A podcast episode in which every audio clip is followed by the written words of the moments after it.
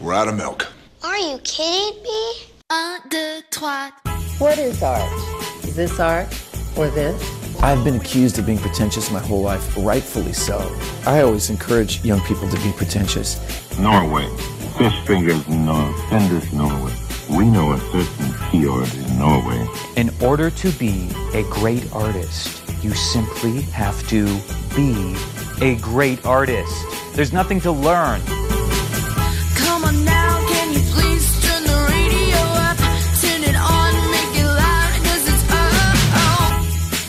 Skumma kultur på studentradioen i Bergen.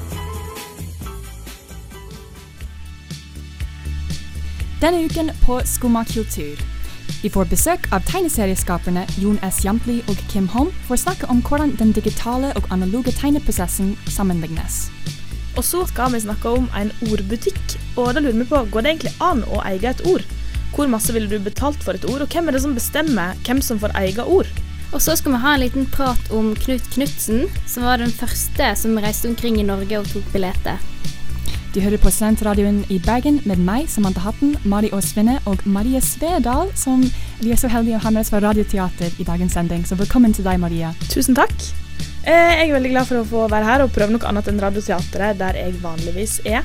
Vi har sendinger på onsdager og lager da høyrespill, og det skal de òg få litt mer, eh, litt mer eh, innblikk i etterpå. Straks skal vi få besøk i studioet fra Samfunnet, men aller først får du høre Sam and Dave med Hold On, I'm Coming. Det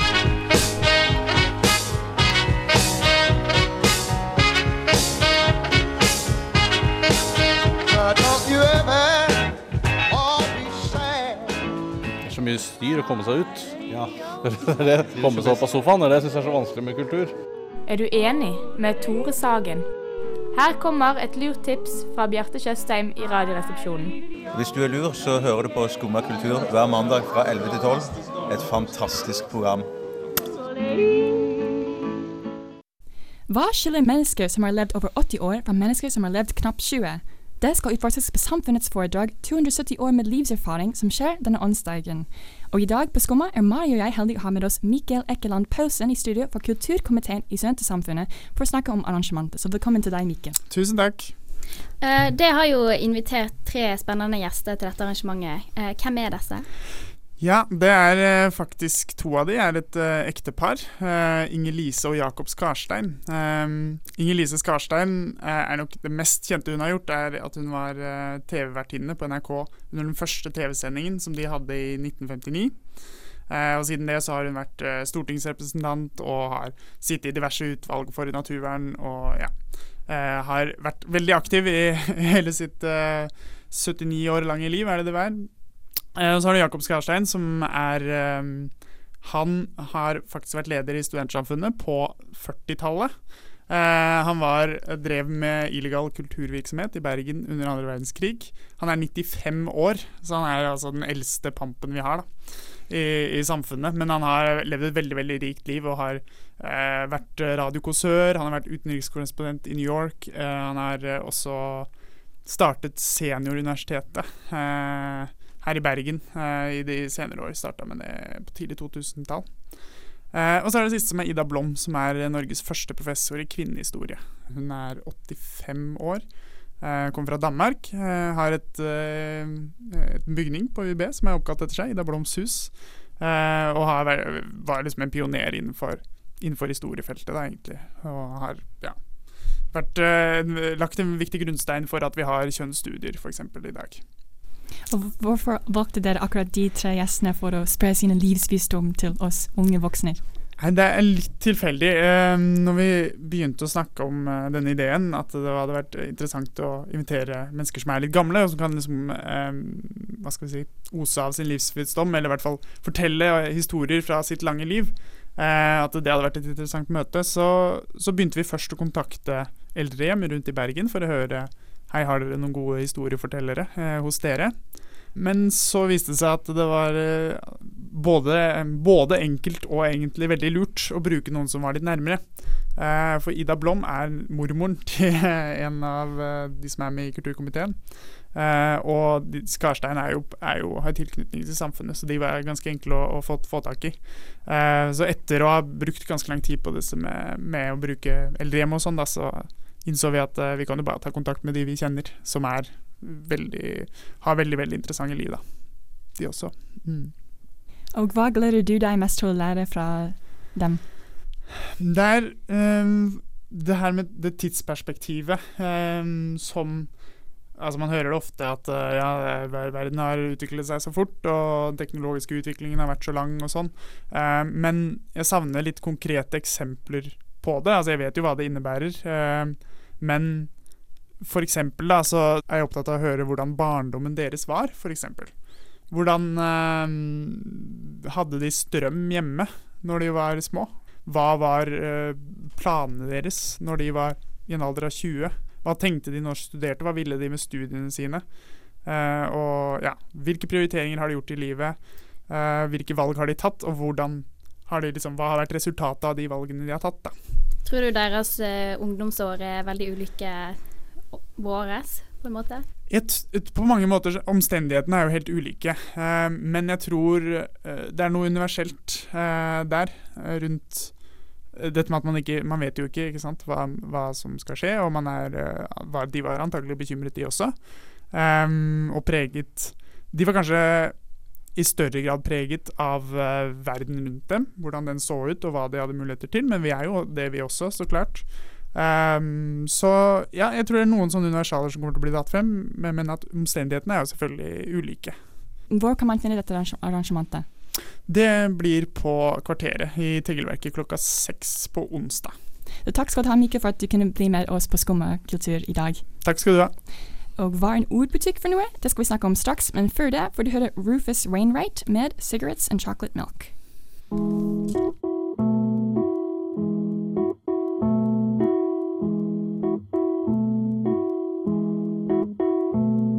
Cigarettes and chocolate milk.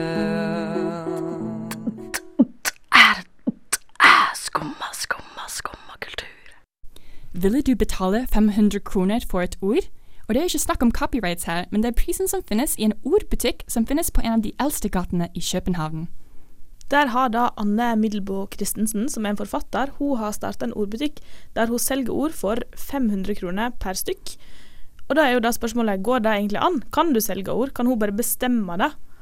Og hun sier da at fordi hun selger disse ordene til en, eh, en sånn poesi, et poesiprosjekt som hun har, så kan hun gjøre det. Hun selger hvert ord bare en eneste gang, og folk får bestemme hvilke ord de vil ha sjøl. Men, men 500 kroner, er ikke det litt mye?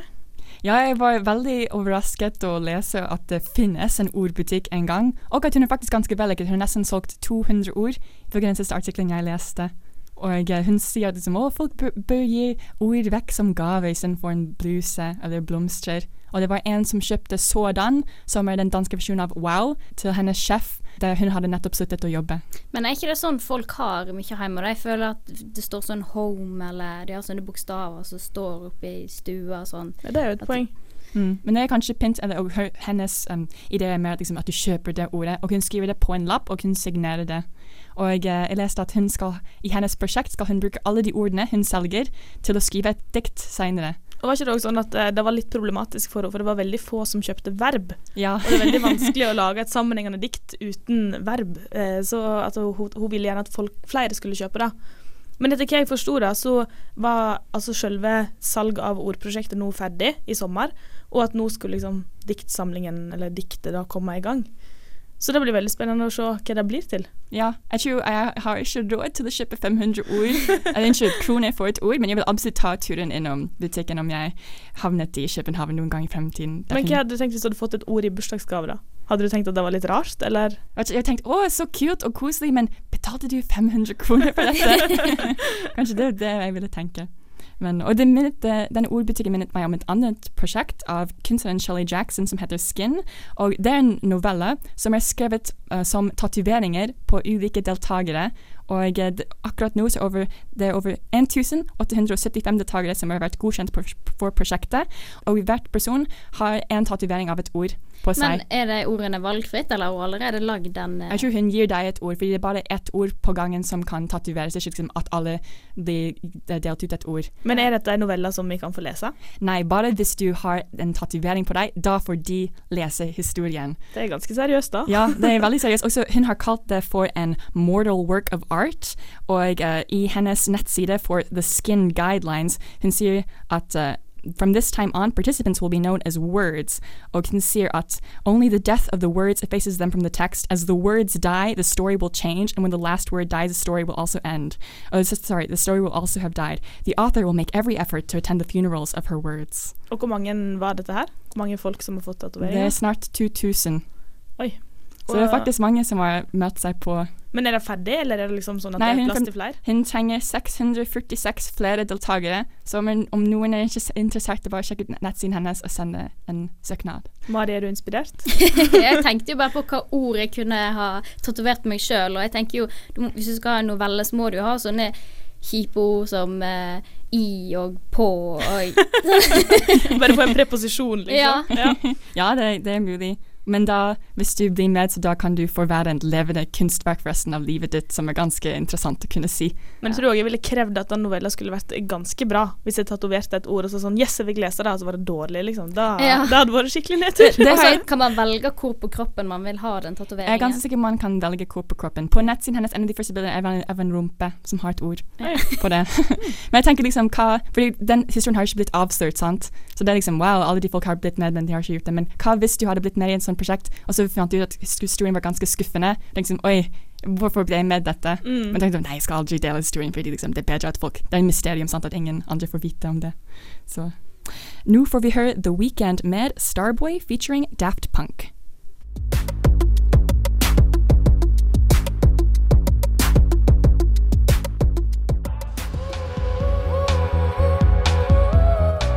Du hører på Skumma kultur på studentradioen i Bergen.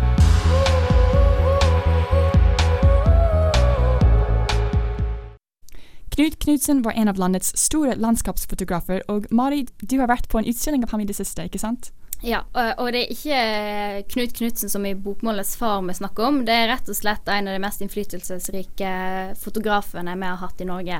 Og han har tatt en av de første bildene av Norge, både i fjellet og ved kysten og med fjorden, eh, som er tatt for 150 år siden. Eh, så det var veldig interessant utstilling, for vi fikk også være med på et foredrag der vi forsto alt arbeidet som lå bak eh, hvert eneste bilde som ble tatt. Hva måtte Knutsen gjøre for å kunne ta de bildene? Eh, han hadde jo med seg et fotoapparat som på den tida var jo gigantisk. Det var jo, han begynte jo å ta bilder fra 1860-årene og fram til 1900. Så han måtte ha med seg store fotoapparatet med seg der han gikk opp på fjellet og ned i dalene og alt. Ja, for det er landskapsbildet, antar jeg. Ja, det er landskapsbildet. Men i denne utstillinga som jeg så, så var det liksom Det hadde litt fokus på folkene i landskapet, så du fikk liksom sett hverdagen til eh, disse folkene, da. Og det er jo også veldig interessant. Og en annen ting var jo at uh, på den tida med disse fotoapparatene, så er jo eksponeringstida Du måtte jo sitte stille i noen sekunder for at bildet skulle bli tatt. Så når du ser ungene da, på bildene, så ser du at fjesene deres er litt sånn fordreide, for de kunne jo ikke Mm. sitte i ro. uh, så det var veldig uh, Veldig interessant å se disse bildene, for de er jo fine i seg sjøl. Og jeg tror ikke de har vært i så stort format før som de er nå. Men uh, også hva som kreves for å ta hvert eneste bilde. Og vi fikk jo også på den utstillinga så fikk vi jo prøvd et sånt stereoskop. Hva er det for noe? Det er rett og slett at du ser på to bilder fra ulike vinkler, da, på en måte. Så blir det tredimensjonalt. Så du fikk en sånn her Det så nesten ut som eh, 1800-tall på svar på eh, VR-briller. Er det sånn på en måte sånn liten boks du hadde når du var liten, med sånn Ja, forskjellige bilder, så sånn. du, så du kjekk inn i en sånn kikkert, på en måte? Ja. Så, så sånn kunne du se, og da var liksom underholdningen før film og eh, TV kom, da. Da satt folk og så, inn i disse, for da fikk du se bildene sånn i 3D på en måte. Det er så utrolig interessant å tenke på hva hvis liksom, du var levende da det ble ny, og det var det som var den mest spennende ting. Ja, skikkelig høyteknologisk, liksom, og nå tenker vi bare at å ja. Ja. ja. Eh, Men hvor var denne utstillingen? Kan du Eh, fortsatt se den? Ja, du kan se den i alle fall ut oktober. Kanskje noen plasser kan du se den flere. For det er tre ulike plasser denne utstillingen er. Og den er på Voss, på Voss folkemuseum. Og da er tema fjellet. Eh, og så har du på Utne, i Hardanger, og der er tema fjorden. Og så har du Norheimsund, der temaet er kysten. Jeg har bare sett to av dem, da, i Utne og på Voss. Så den siste har jeg ennå ikke sett. Så da er det gode muligheter til å eh, få se i hvert fall én av dem hvis du har tid i oktober. Ja, det høres veldig kult ut. Straks vi får besøk av to markante tegneserieskaperne i studio for en debatt, men først får vi høre Solange med Don't Let Me Down.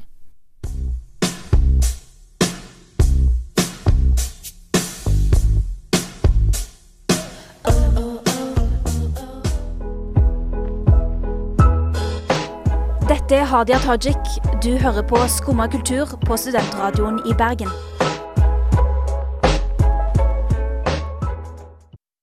Digitale verktøy har revolusjonert måten man kan tegne på, men kan man skape bedre kunstverkene med dem, eller er det noe som blir tapt i prosessen? For å diskutere fordelene og ulemper av analog og digitale tegneprosesser, har Mari og jeg fått besøk av tegneserieskaperne Jonas Jampli og Kim Holm i studio, så velkommen til dere. Takk, takk. Tusen takk. Skal jeg begynne med deg, Jon. Eh, Hvordan skaper du dine tegninger? Ja, jeg har jo eh, Jeg sitter jo med en datamaskin og skaper dem, og da trykker man bare på en knapp så det står 'design', en karakter, og så blir det en uh, tegning av det. Nei da, det er jo ikke det som skjer. Jeg har et, uh, noe, et, et tegnebrett så, uh, som ligger framfor datamaskinen, og du kan også få en skjerm så du kan tegne rett på skjermen, men jeg har da tegnebrett, for det er mye billigere. Um, så jeg, jeg tegner bare på tegnebrettet med penna, så ser jeg en representasjon på skjermen, sånn at jeg eh, tegner rett og slett rett inn på datamaskinen. Så det er jo ikke noe originalt arbeid med det, da. Det blir jo alt er digitalt. Hva er egentlig eh, forskjellen på digital og analog eh, kunst, da?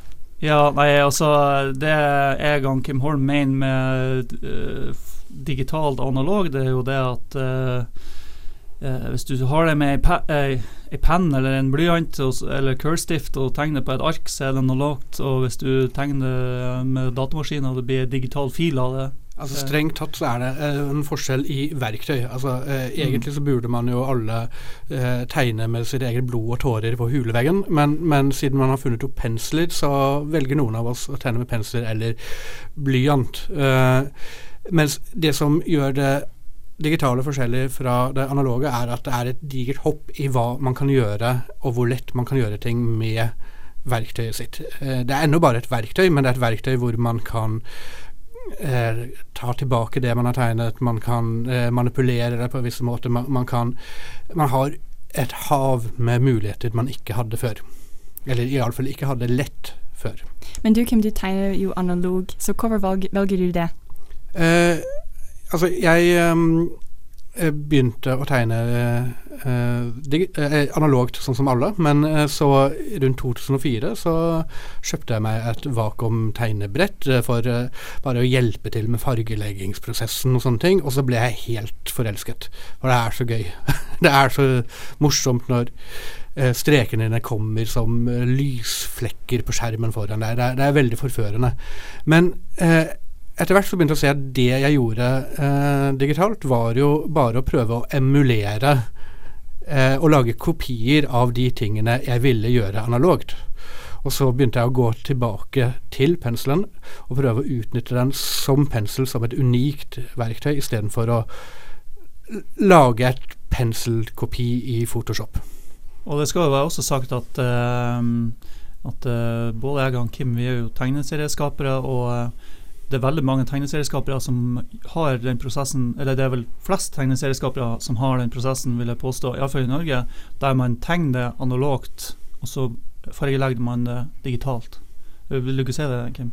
Eh, det er nok eh, over store deler av verden, ja. Men sånn som du, Jon, du kombinerer litt, da.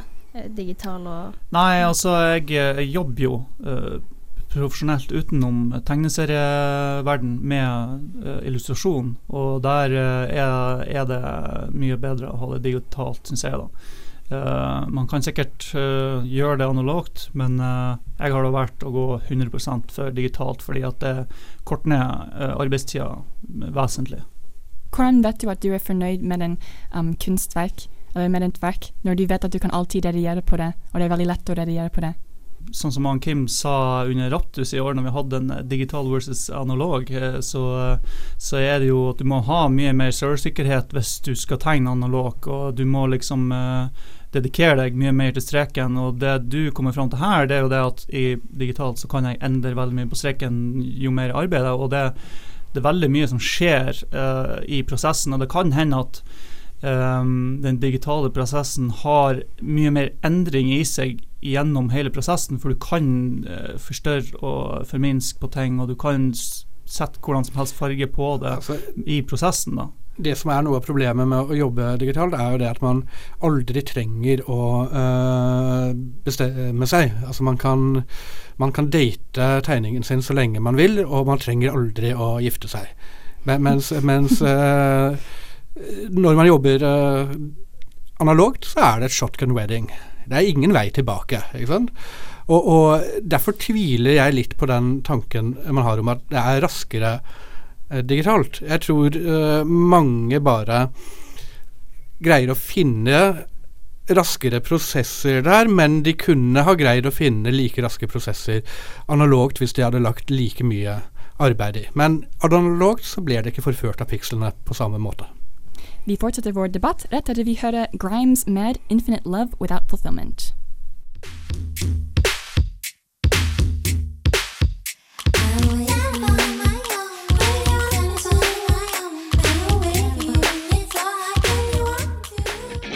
Skumma kultur, det ruler jo din satan. Skumma kultur ruler din jævel. Som tidligere medlem av Skumma kultur vet jeg at de setter litteraturen i høysetet. Han som elsket skummakultur, Tore Rønberg. Du hører fortsatt på Skumma kultur, der vi har fremdeles med oss i studio Jon S. Jampli og Kim Holm for å snakke om digital tegnet-prosessen sammenlignet med analog. Så Kim, du sa jo nettopp at uh, analog tegning er som en shotgun wedding. Kan du utdype det litt mer? Ja, altså En av de eh, tingene som jeg er eh, dum nok til å gjøre, eneste i verden som er dum nok til å gjøre, er at jeg tegner eh, live under ekstremmetallkonserter rett ved scenen. eh, Med strober og folk som albuer meg i ryggen og hele den pakken. Og da, da på en måte Da må man gifte seg enda mer enn vanlig. Da er det noen ganger litt flerkoneri ute og går. Eh, da, da blir prosessen det at jeg begynner å tegne noe som jeg ser på scenen, men som oftest så blir det feil. Og da sier jeg faen, men jeg må gifte meg med den streken som er blitt satt. Og da må jeg finne ut hvordan, hvordan gjør jeg den om til noe. Og så blir det å, å faen, nei, faen, der, der, å, mm. Og så til slutt så har jeg et bilde. Ikke sant? Men, men jeg må hele tiden forholde meg til det jeg har på arket, og det kan aldri tas tilbake. Noen ganger kan det skjules bitte litt. Og hvordan sammenlignes priser for verktøyet som trenges for å tegne analog eller digitalt? Er det, er det en som er billigere enn den andre, eller mer tilgjengelig? Altså, øh, analogt så må man jo hele tiden kjøpe nye ting. Og, og blekk er eh, i literpris eh, ofte dyrere enn champagne. Eh, smaker ikke fullt like godt. Og, og papir er også en ganske stor utgift. Men, men mens utgiften på det, det, det digitale er jo det at man må ha datautstyr som man bytter ut en gang hvert femte år omtrent. Ja, femte, sjette. Ja, eh, og så må man betale eh, lisenser, eller gjøre som meg, at altså, eh, Jon jobber i Photoshop på Mm. en Mac. Mm. Uh, jeg jobber på en Linux-maskin uh, i GIMP, altså Open so Source Software, som er gratis. Ikke fullt like hipt, men, men fungerer for mitt barbarbruk. Mm. Jo da, nei, det, um, det Det koster jo Alt koster penger. Men eh, sånn så eh, Jeg har jo faktisk investert nå nettopp i en sånn her uh, iPad Pro som jeg har begynt å tegne litt på. Og uh, den er litt mer sånn skisseaktig, at du kan bare sitte i sofaen og, og skisse litt. Og kan dra den med deg hvor som helst. Og der bruker jeg et program som, koster, som heter Procreate, og det koster 35 kroner. Så men eh, du, du legger jo merke til at det mangler jo en del ennå der for å matche med Photoshop. Eh, men eh, Jeg, er- jeg, er, ganske, jeg er ganske for gratis open source-programvare, jeg òg. Og, og jeg um, Framtida er ikke Photoshop for min del. eh, Ikke sånn som de driver holder på nå, for nå er det sånn at du skal betale lisens i stedet for, og det syns jeg er ganske kjedelig. Hvis du ikke har noen studentrabatt eller noe sånt. Lisenspenger er en sånn kontinuerlig utgift som er ganske sur, men, men en annen Koster en 200-300 kroner i måneden.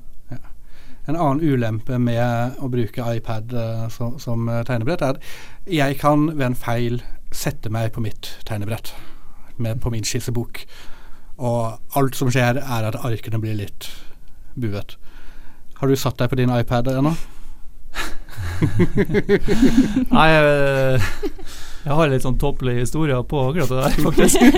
Jeg, eh, jeg, eh, jeg for jo på Apple Store for å kjøpe meg en sånn eller, eller Eplebutikken, eller hva faen det heter. Yes. Og så eh, Nei, altså Altså, jeg har ikke tenkt å sprenge så veldig mye rundt med den. Og jeg er ganske flink å passe på sånn utstyr og sånn som jeg har. og og så eh, kjøpte jeg noe liksom, spurte han eh, Ja, skulle du ha sånn her Apple Care-forsikring på? Jeg, Nei, eh, jeg tror det går bra. Så dagen etterpå så, så sklidde jeg på isen og laga bungel igjen. Ja, Han fungerer helt like bra ennå, men det var litt sånn surt. Litt sånn OCD-aktig surhet. Um, hmm. I det norske tegneseriemiljøet i dag er det en som er mer um, populær blant de som er profesjonelle, enten digital eller analog tegning. Eh, det er eh, Altså, av de større norske navnene, så jobber vel nesten alle analogt ennå.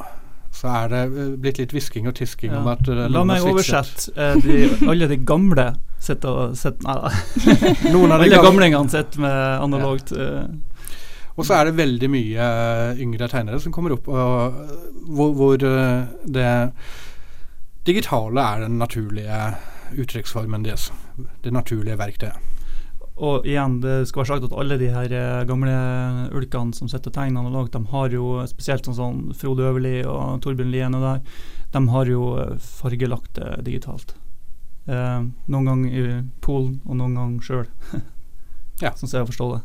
Dere har jo en podkast sammen der dere snakker mer om tegneserier, ikke sant? Mm. Den heter Tegneseriehovedstaden. Ja, den, den heter strengt tatt uh, Tegneseriehovedstaden, som uh, jeg ikke kan uttale siden jeg ikke kan ny nynorsk. Men, men det er vår uh, lille podkast som eh, vi prøver å oppdatere nå mer enn én gang i året. Og, dere kan, folk kan finne ut mer informasjon om det på Soundcloud. Ja, dere dere kan bare søke, søke på Teikneseriehovedstaden, så finner dere oss på Facebook og på iTunes og Soundcloud og sikkert noen steder vi har glemt også. Mm. Vel, tusen takk for dere, dere tok turen innom Skumma kultur i dag. Takk, takk. Tusen takk. Nå skal vi få høre Fleetwood Mac med Never Going Back Again.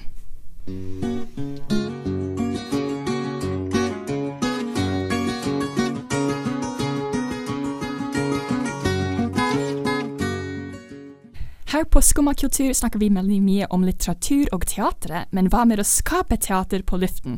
Det gjør et ganske så flott program i Maturus radioteater, som tidligere i år fikk prisene til semesterets sending, lydprofil og radiostemme. Og Marie, du ble med oss i Skumma i dag, og du er fra det programmet.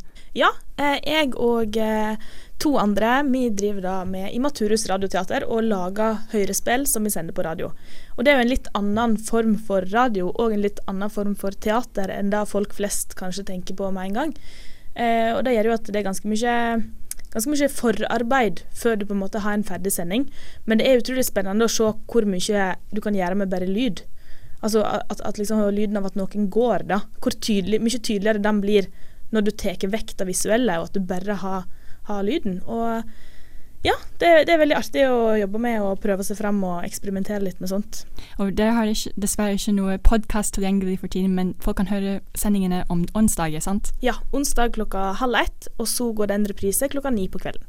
Og så er det bare en teknisk feil med den podkasten, som vi håper veldig veldig at den skal komme i løpet av høsten. Men vi skal nå få høre et lydklipp fra Radioteatret. Uh, Marie, hva handler det om? Eh, jeg har da klippet sammen litt fra noen par forskjellige sendinger. Eh, aller, det aller første som kommer, det er fra det vi sendte forrige onsdag, som er 'Mannen i Panamahatten'.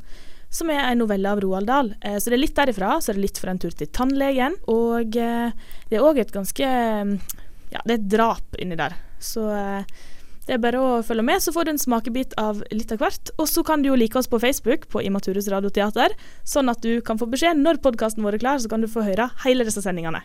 Høres spennende ut, så nå får du høre en smakebit fra Immaturus radioteater. Ålreit. Begynn.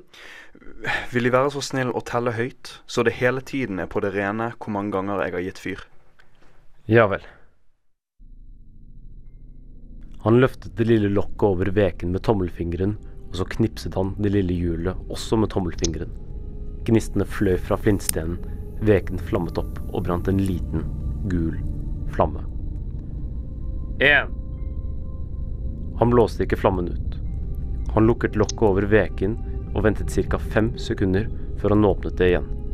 På ny knipste han til hjulet, og på ny flammen veket opp. To. Immaturus radioteater. Hør på meg. Jeg har noe å fortelle deg. Hva, hva er det, kjæreste? Er det noe i veien? Jeg er redd du kommer til å få litt av et sjokk. Men jeg har tenkt over det her en god stund, og jeg kom fram til at jeg like godt får gi deg rene ord for pengene. Jeg håper ikke du blir rasende på meg. Og så fortalte han henne det.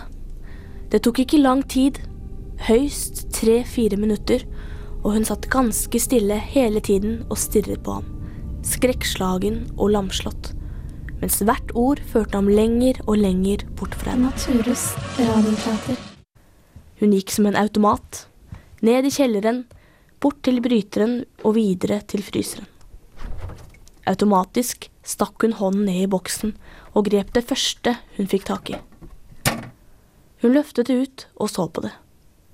Det var innpakket, og hun tok av papiret og så på det. Det var en lammestek. Greit. Så fikk de ta lammestek til middag i dag.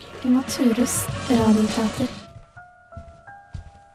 Dermed gikk hun bort til ham, og uten å betenke seg et øyeblikk, løftet hun den stivfrosne steken høyt opp i luften, lot den smelle mot bakhodet hans så hardt hun bare kunne. Hun kunne like gjerne ha slått ham med en jernkølle. Hun tok et skritt tilbake, og det rare var at han ble stående og svaie fram og tilbake i minst fire-fem sekunder. Så falt han så lang han var. Det voldsomme støtet og bordet som veltet idet han falt, vekket henne av den dvaletilstanden hun hadde befunnet seg i. Langsomt kom hun til seg selv.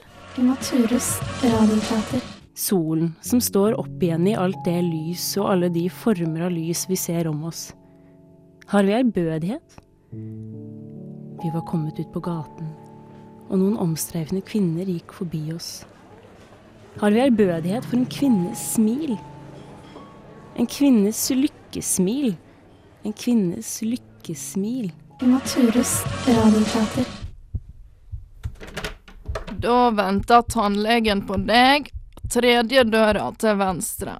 Tannlegen venter på meg? Akkurat som om det var jeg som var seint ute. Hei, hei!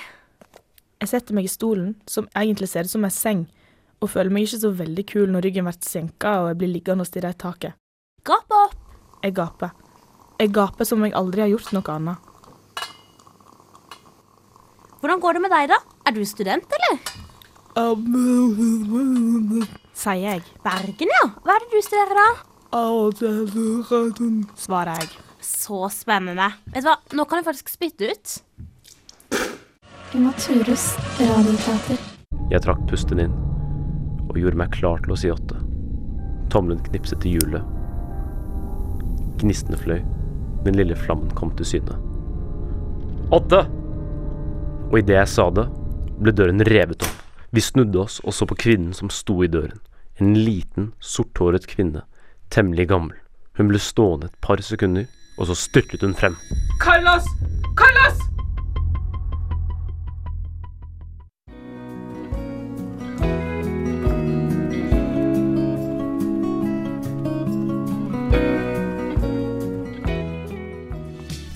Det var alt vi rakk denne uken her på Skumma kultur. Ja, og i dag så har vi snakka litt om eh, Knut Knutsen, eh, som, var en veldig, eller som er en veldig kjent fotograf som ikke så mange egentlig har hørt om. Og så var Mikkel Paulsen fra Studentersamfunnet en liten tur innom. Og de fikk en liten eh, smakebit fra Radioteatret. For en siste låt, her er k-pop-bandet Big Bang med 'Loser'. Vi høres igjen om en uke. Ha det bra! Ha det bra! 루저 외톨이 센척하는 겁쟁이 못된 양아치 거울 속에 너 Just a loser